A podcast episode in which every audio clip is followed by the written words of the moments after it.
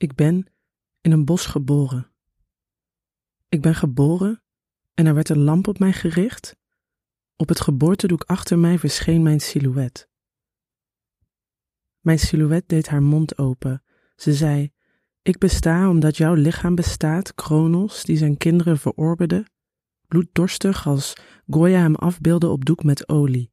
Een onherkenbaar geworden lichaam, gulzig en chaotisch, zonder wortels in de aarde, daar moest ik het mee doen. Ik hoorde geheig en gelach, concrete, specifieke geluiden. Mijn silhouet was een silhouet zonder specifieke kenmerken. Mijn silhouet was op een onbegrijpelijke manier van mij. Zij handelde voor mij, zij was er alleen als ik keek, zij bestond alleen op het doek. Concrete, specifieke geluiden. Ik wilde opgenomen worden in een systeem van vinkjes en kruisjes.